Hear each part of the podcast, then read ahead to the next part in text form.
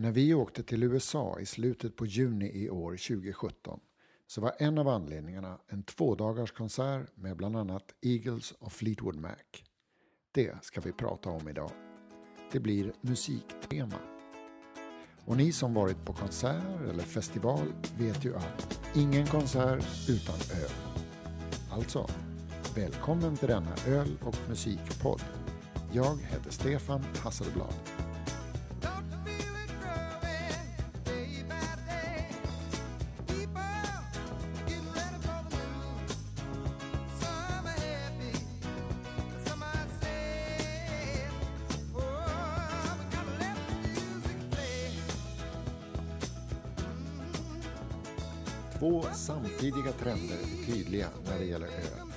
Det kan vi se både på amerikanska östkusten och västkusten. Och både i storstäder som Boston och Seattle och San Francisco och här på landsbygden i Lancaster. Och det gäller hur ölen smaksätts och hur ölen avnjuts. Det är lunch och vi är på mikrobryggeriet Springhouse Brewing Company här i Lancaster och beställer en Crab and Corn Chowder för 7 dollar samt öl. Like random, I take, you choose five of them. Just pick, pick the, the five most uh, popular out of ten. Okay. Det är, så måste det vara. Man ska utvecklas. What's that?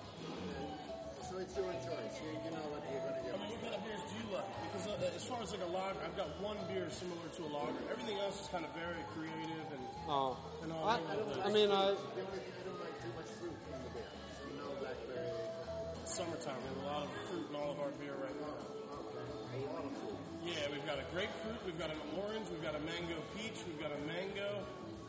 oh, uh, okay. Anything without fruit?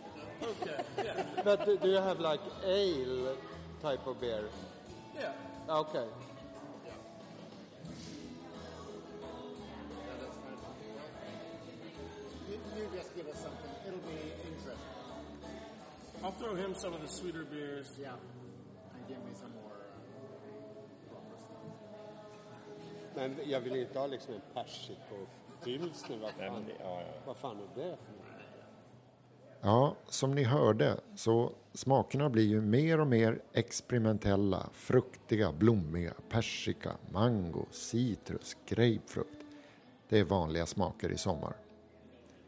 Och här på Springhouse Brewing Company så hittar vi till exempel ölen Big Gruesome som är smaksatt med choklad och jordnötssmör, kokos och vanilj. Här finns även en ölsort som de har döpt till Diabolical Dr. Wit. Det är ett i grunden belgiskt öl som är smaksatt med koriander, apelsinskal och lavendel. Ja, det var smakerna det. Hur dricker man ölen då? Jo, du går ju naturligtvis till bryggeriet och äter och dricker. Inte till puben eller baren, utan till bryggeriet. Det här är en trend som vi ser även på vingårdar här i USA och även i till exempel Sydafrika. En vingård har ofta en toppenrestaurang på området där du kan provsmaka de olika vinerna och till det äta en fantastisk måltid. Så att bryggerierna har tagit den rollen vad det gäller öldrickande. De är ju ofta små, vi pratar ju om mikrobryggerier. Och de öppnar gärna en matservering med mer eller mindre omfattande meny, oftast inne i bryggeriet, så du praktiskt taget sitter bland jäsningstankar och vörtpannor i koppar medan du äter och dricker. Precis som vi gör här nu på Springhouse Brewing Company. Och du beställer en flight, det vill säga en bricka med sex glas öl av olika sorter. Alltid en flight, aldrig en stor stark.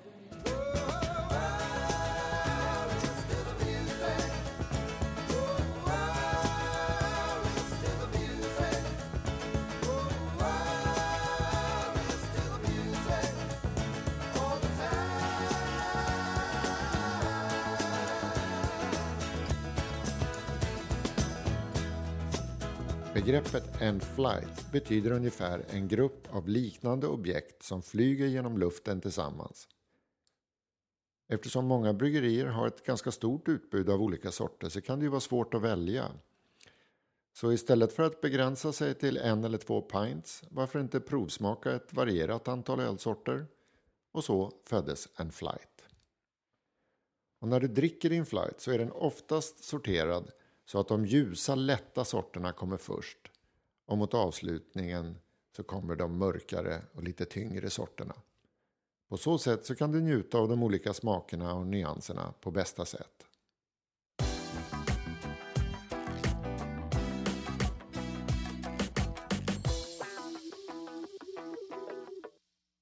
Sen var det det här med konserten. Sex band, två dagar, City Field ute i Flushing Meadows i Queens.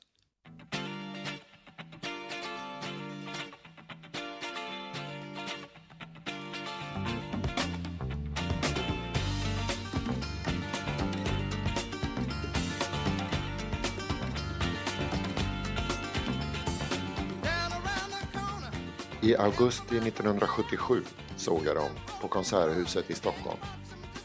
Biljetten kostade då 56,50.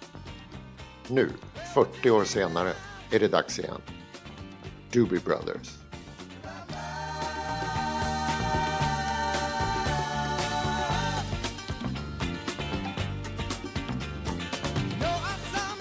Jag upptäckte dem 1973 i samband med deras tredje platta The Captain and Me som ju bland annat innehöll Tom Johnstons Long Train Running som vi hör i bakgrunden.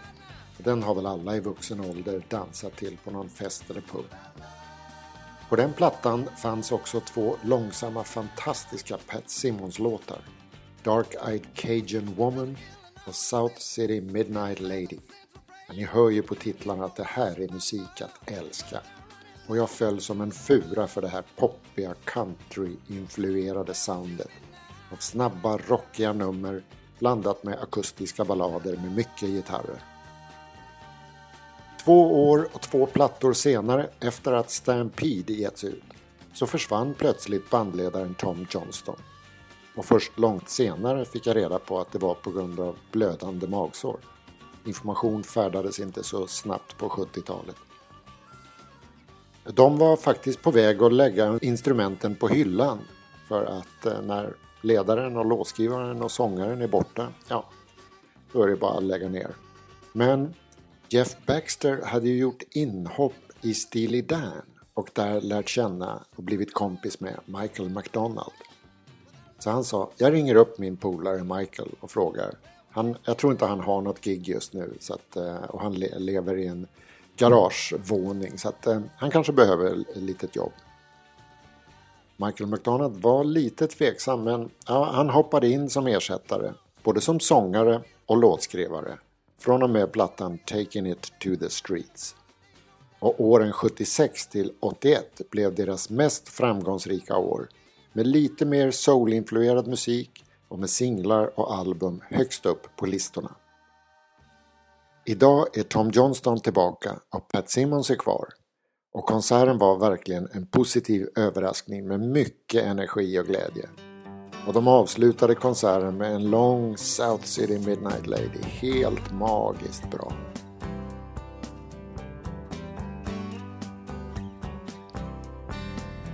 Vi såg Doobies vid ett räcke i närheten av barerna. För när vi kom till arenan så stannade vi till och tog en öl och hängde längst fram på högersidan om scenen.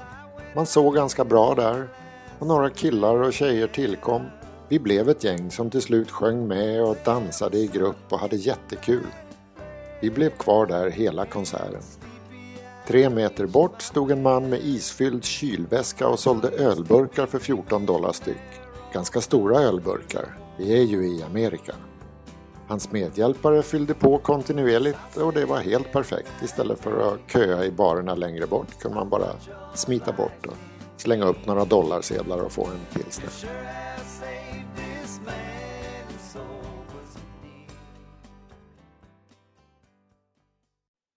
Sen kom Steely Dan, ett av mina absoluta favoritband.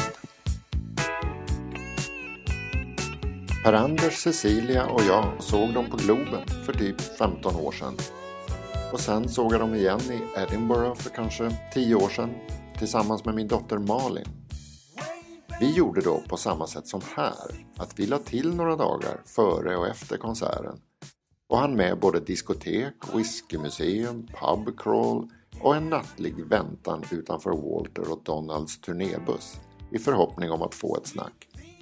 En helt fantastisk resa. Och det är ju himla trevligt att gå på konsert någon annanstans och inte bara ta tunnelbanan till Friends och sen hem igen efter konserten. Utan göra konserten till några dagars äventyr. Det kräver lite mera tid, kostar lite mer, men det blir oftast väldigt minnesvärt. Tillbaka till City Field. Michael McDonald dök inte upp heller här. Men Donald Fagen håller än. Han sitter bakom sitt piano och blir mer och mer lik Ray Charles för varje år.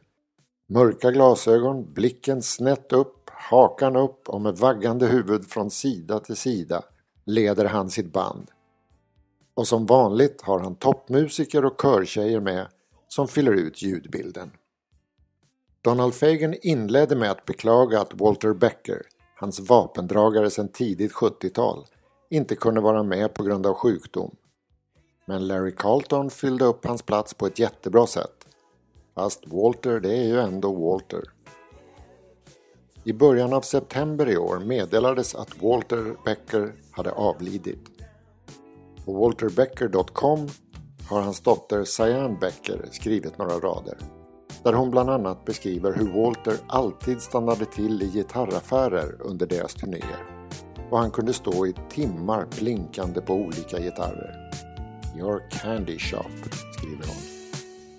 Thanks Dad for your love for music, your fatherly advice and devotion, your knowledge about the world and your blindingly sharp sense of humor, for all that and more. Under alla år i bandet så blev Donald Fagen efter en trevande början den självklara sångaren och Walter leadgitarrist och basist emellanåt. I hela katalogen är det faktiskt bara en enda sång som Walter sjöng och det är Slang of Ages från plattan Everything Must Go från 2003. Let me put it this way, down. No, it's getting Donald Fagen skriver på sin hemsida He was cynical about human nature, including his own, and hysterically funny. I intend to keep the music we created together alive. Och det gjorde han verkligen den här kvällen.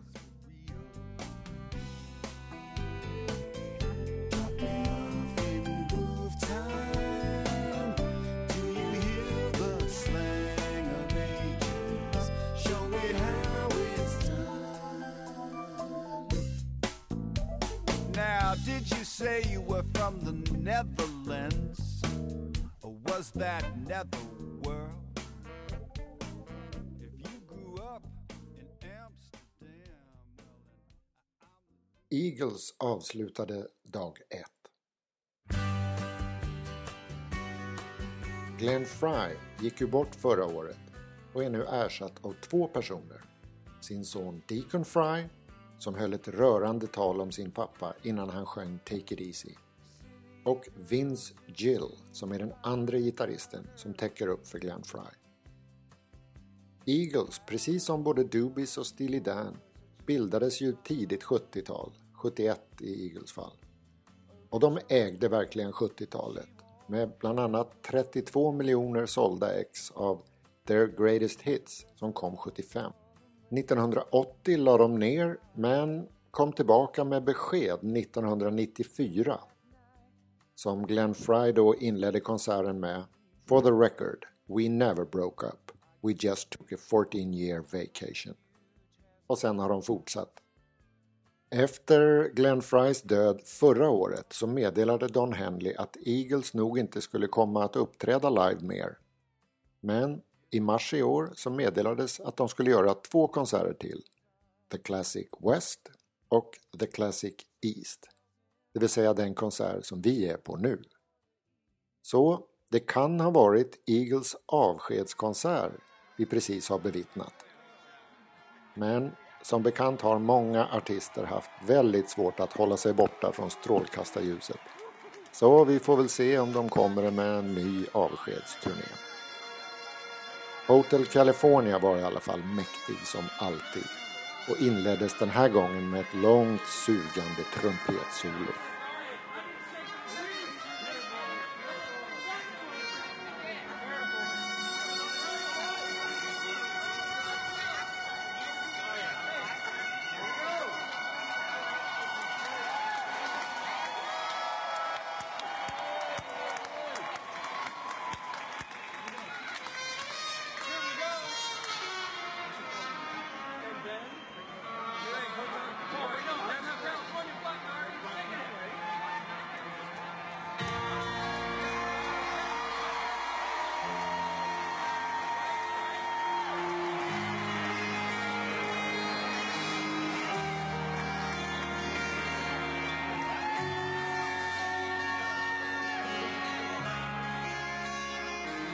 När vi lämnade arenan så enades vi alla i gruppen vid räcket om att ses där tidigt nästa dag.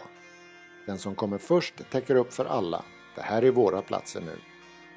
Så blev det och vi såg aldrig våra billiga sittplatser högre upp på arenan. Det här var ju mycket bättre. Och stegräknaren i telefonen nådde all time high. Tunnelbanan hem var fylld av lyckliga konsertbesökare och stämningen var hög. Vi stod i, i tunnelbanevagnen och pratade med några amerikanska damer när en man vid sidan om blandade sig i samtalet. Han hade den där sköna attityden och språkbruket som direkt signalerar engelsk överklass. Aristokrat. Och om man ska tro honom så hade han varit promotor eller manager för Charlotte Nilsson Pirelli under en engelsk turné efter hennes Eurovision-seger. Men han kanske bara ville imponera på damerna vi pratade med. En himla trevlig tunnelbaneresa var det i alla fall.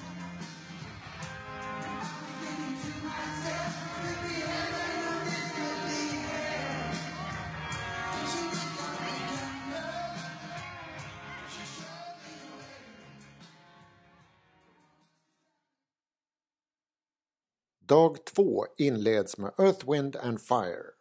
Och herregud, vilket blod det blev direkt.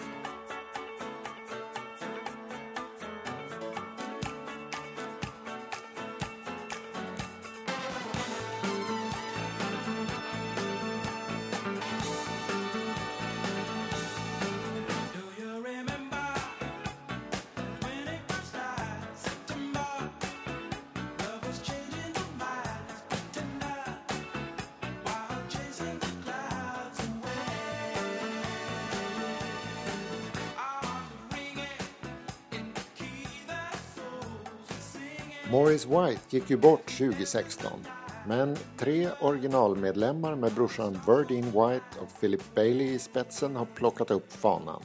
Och de far omkring i ljusblå glänsande scenkostymer och studsar över hela scenen och får direkt hela publiken att stå upp och dansa inne på plan och i bänkraderna. Så himla bra de var.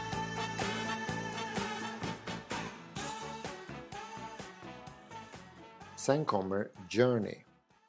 Och de har väl aldrig varit så stora utanför USA. Och det var nog inte så konstigt. Under deras framträdande föll hela konserten ihop som en soufflé gör när den svalnar. Kvinnan bredvid mig, hon gillade dem skarpt och hon var inställd på något riktigt bra. Men när leadgitarristen drar igång sitt tredje långa solo på kort tid så lutar hon sig emot mig och säger i hate it when it does like that. Avslutningen med Fleetwood Mac ursäktar dock allt. Lindsey Buckingham, Christine McVie och den ljuva trollska Stevie Nicks ser till att det här blir en fantastisk avslutning på denna tvådagars konsert.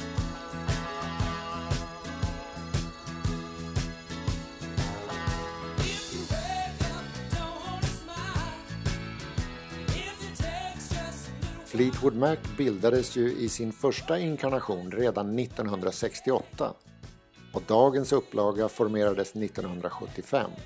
Ja, de är värda ett eget poddavsnitt. Men det får vi vänta med. För nu kan jag bara rekommendera The Dance, deras livekonsert från återföreningen 1997 som finns tillgänglig på DVD. 139 kronor på CD-ON. Jag kan bara säga, köp den.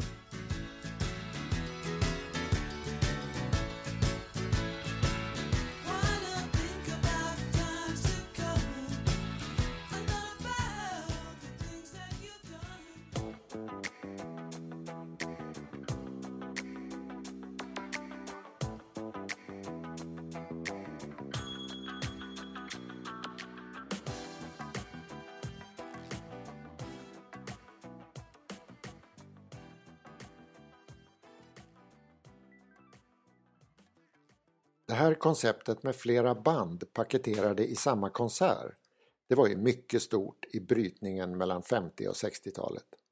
Vi ska återkomma till det. Det här eventet var ju på City Field, Flushing Meadows.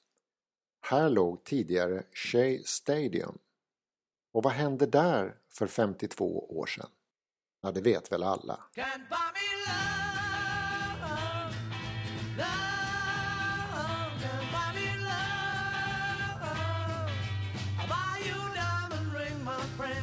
Makes you feel alright. I'll get you anything, my friend, if it makes you feel alright. Cause I don't care too much for money, but money can buy me love. Bortsett från Woodstock och Monterey-festivalerna så är det väl ingen konsert i rockhistorien som är mer välkänd än när The Beatles spelade på Shea Stadium inför 56 000 ungdomar och poliser den 15 augusti 1965. Fast om vi nu ska vara nördigt petiga så räknas Beatles framträdande i Ed Sullivan Show i februari 64 som det viktigaste framträdandet i rockhistorien. Och det bästa framträdandet det brukar anses vara Queen på Live Aid 85. En rolig fotnot i historien är att sent 1963 så råkar Ed Sullivan och hans entourage befinna sig på Heathrow. Där är det en himla kalabalik och uppemot 1500 ungdomar står och skriker. Sullivan undrar vad det är som pågår och får svaret att det är The Beatles som kommer hem igen efter en resa till Stockholm. Who the hell are the Beatles? svarar Ed Sullivan. Gruppen hade varit i Stockholm på en tv-inspelning som uppvärmning till den holländska Susie och vår egen Lill-Babs. Sullivan blev helt golvad och erbjöd Brian Epstein bra betalt för att komma över till USA för en show. Men Brian sa, jag har en bättre idé. Jag vill att mina killar ska synas. Jag vill ha dem med i tre shower och de ska inleda och avsluta varje show och du ska få dem riktigt billigt. Så blev det. Och den här första tv-sändningen på Ed Sullivan Show den drog 73 miljoner tittare. USA gick bananas och resten är historia.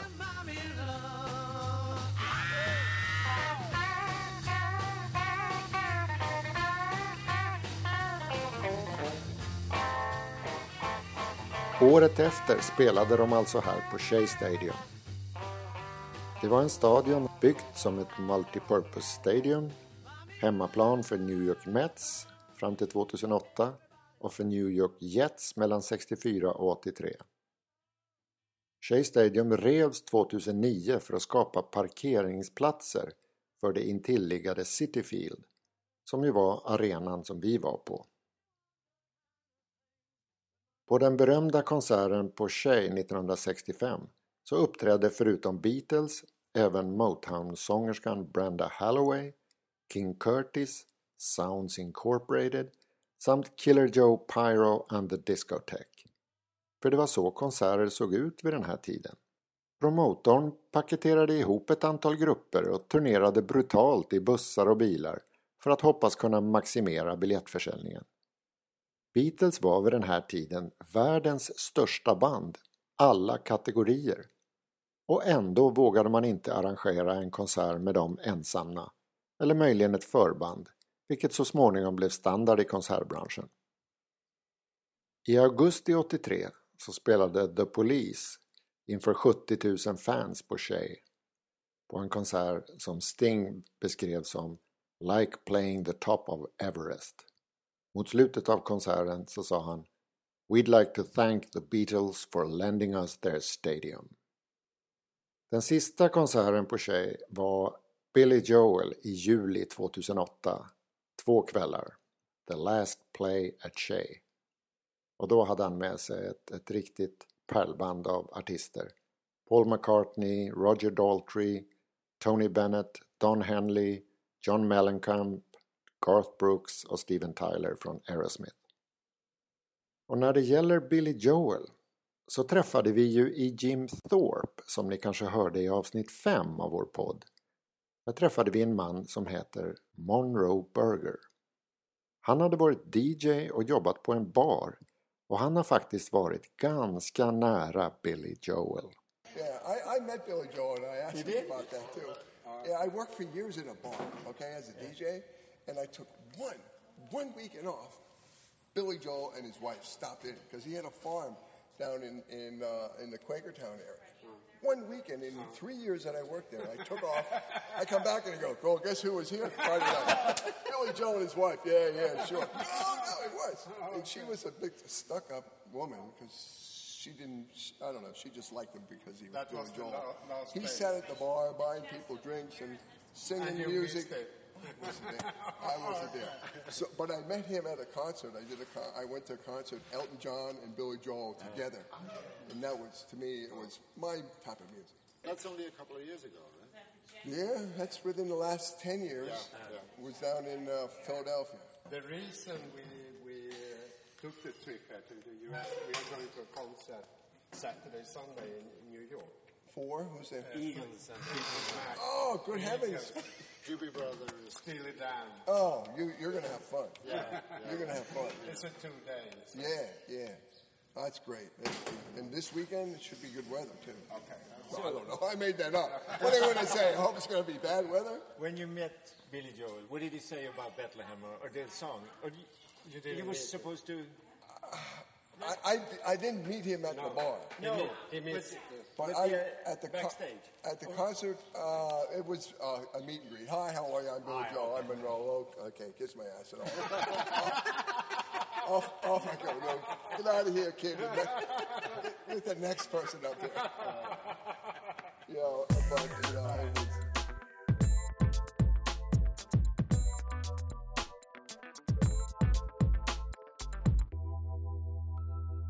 Paketshower ska inte blandas ihop med den typen av galor eller festivaler då man har ett flertal stora akter tillsammans.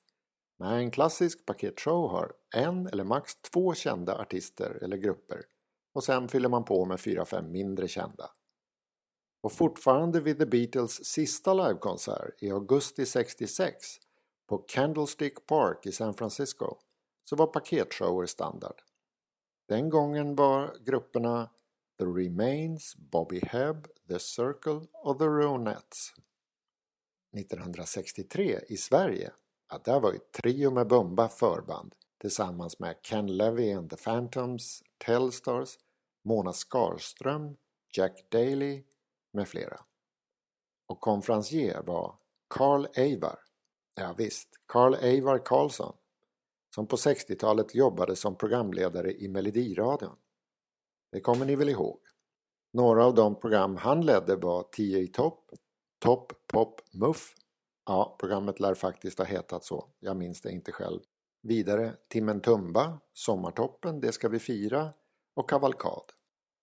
Jag sa Melodiradion och ni som är lite yngre undrar väl vad var det för något? Enligt uppslagsboken så är Melodiradio radioutsändningar där talet blandas med populärmusik i främst underhållningssyfte.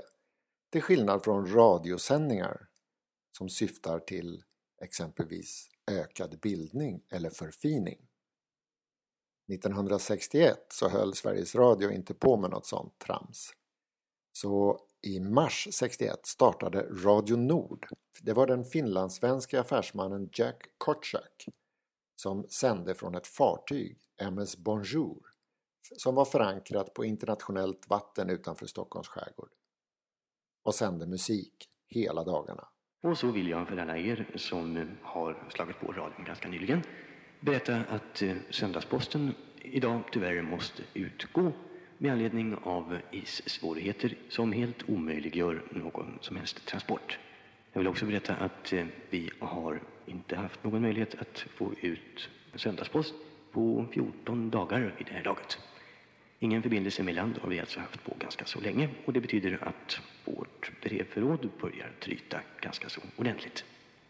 Vår studioklocka visar på en minut i tolv nu när Elvis sjunger Do the Clan.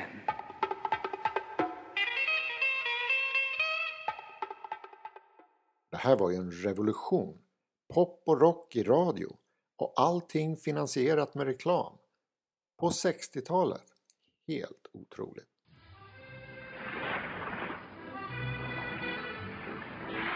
Mesdames et messieurs, ici la plage. Vill ni bli sådär tjusigt Riviera-brun? Med Riviera-tenn, sommarens solspray, upplever ni det angenämaste solbadet.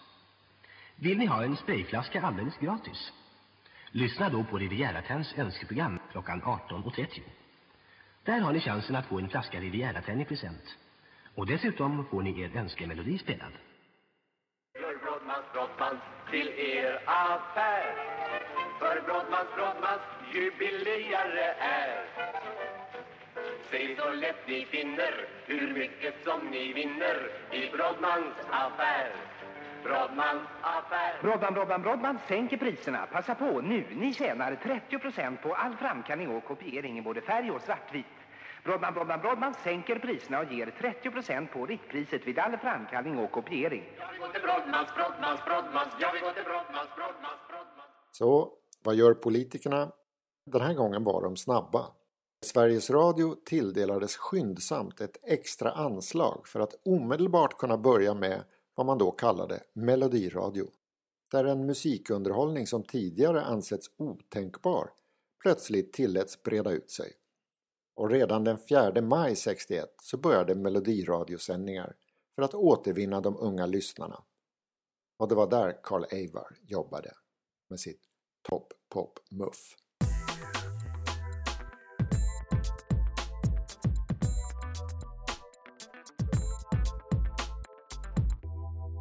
Det bästa exemplet på en fantastisk paketshow det är nog The Tammy Show från Santa Monica Civic Auditorium i oktober 64. Den filmades också av American International Pictures. Leta upp den på DVD, även den 139 kronor. För här finns ett startfält som enligt min mening inte överträffades förrän på Woodstockfestivalen fem år senare. Inte ens Monterey i juni 67 kan matcha Tammy Show. Hör bara. Beach Boys, Chuck Berry, James Brown, Marvin Gaye, Jerry and the Pacemakers, Leslie Gore, Jan and Dean, Billy J. Kramer, Smokey Robinson, Rolling Stones, Supremes. Och som husband hade de The Wrecking Crew där Jack Nitschke ledde bandet som bestod av Hal Blaine på trummor, Jimmy Bond på bas och gitarristerna Tommy Tedesco, Bill Aiken och Glenn Campbell. Ja, det är samma Glenn Campbell som sen fick en, en helt egen enorm karriär. Han dog tyvärr häromåret. Där finns det en riktigt bra dokumentär. Leta upp den på Netflix. Den heter I'll be me och skildrar hans färd in i demens samtidigt som han turnerar och spelar in sin sista platta. Väldigt rörande. Vidare fanns i The Wrecking Crew även basisten Lyle Ritz, pianisten Leon Russell samt bland annat saxofonisten Plas Johnson.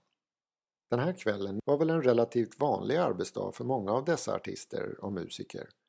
Och ingen av dem, eller i publiken heller för den delen, kunde väl ana att flera av dem 50 år senare skulle klassas som några av pop och rockhistoriens största artister. Vem skulle inte vilja ha varit på plats där? Och Tammy Show, vad betyder det då? Ja, ibland hör man Teenage Award Music International och ibland hör man Teenage Music International. Men en rackarns konsert, det var det i alla fall.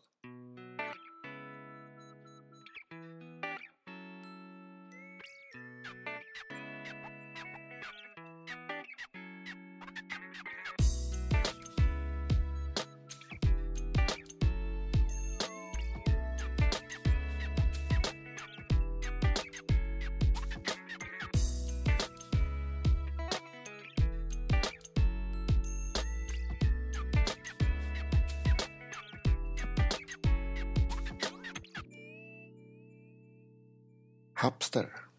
Lite djupare, lite bredare, lite mera höjd. Vi reser i nuet, lyfter historien och fångar framtiden. Vi finns på Facebook som Hapster Podcast. Länkar och extra material hittar du alltid på hapster.se på webben. Och våra poddar finns på iTunes respektive Soundcloud. Tack för att du följer oss.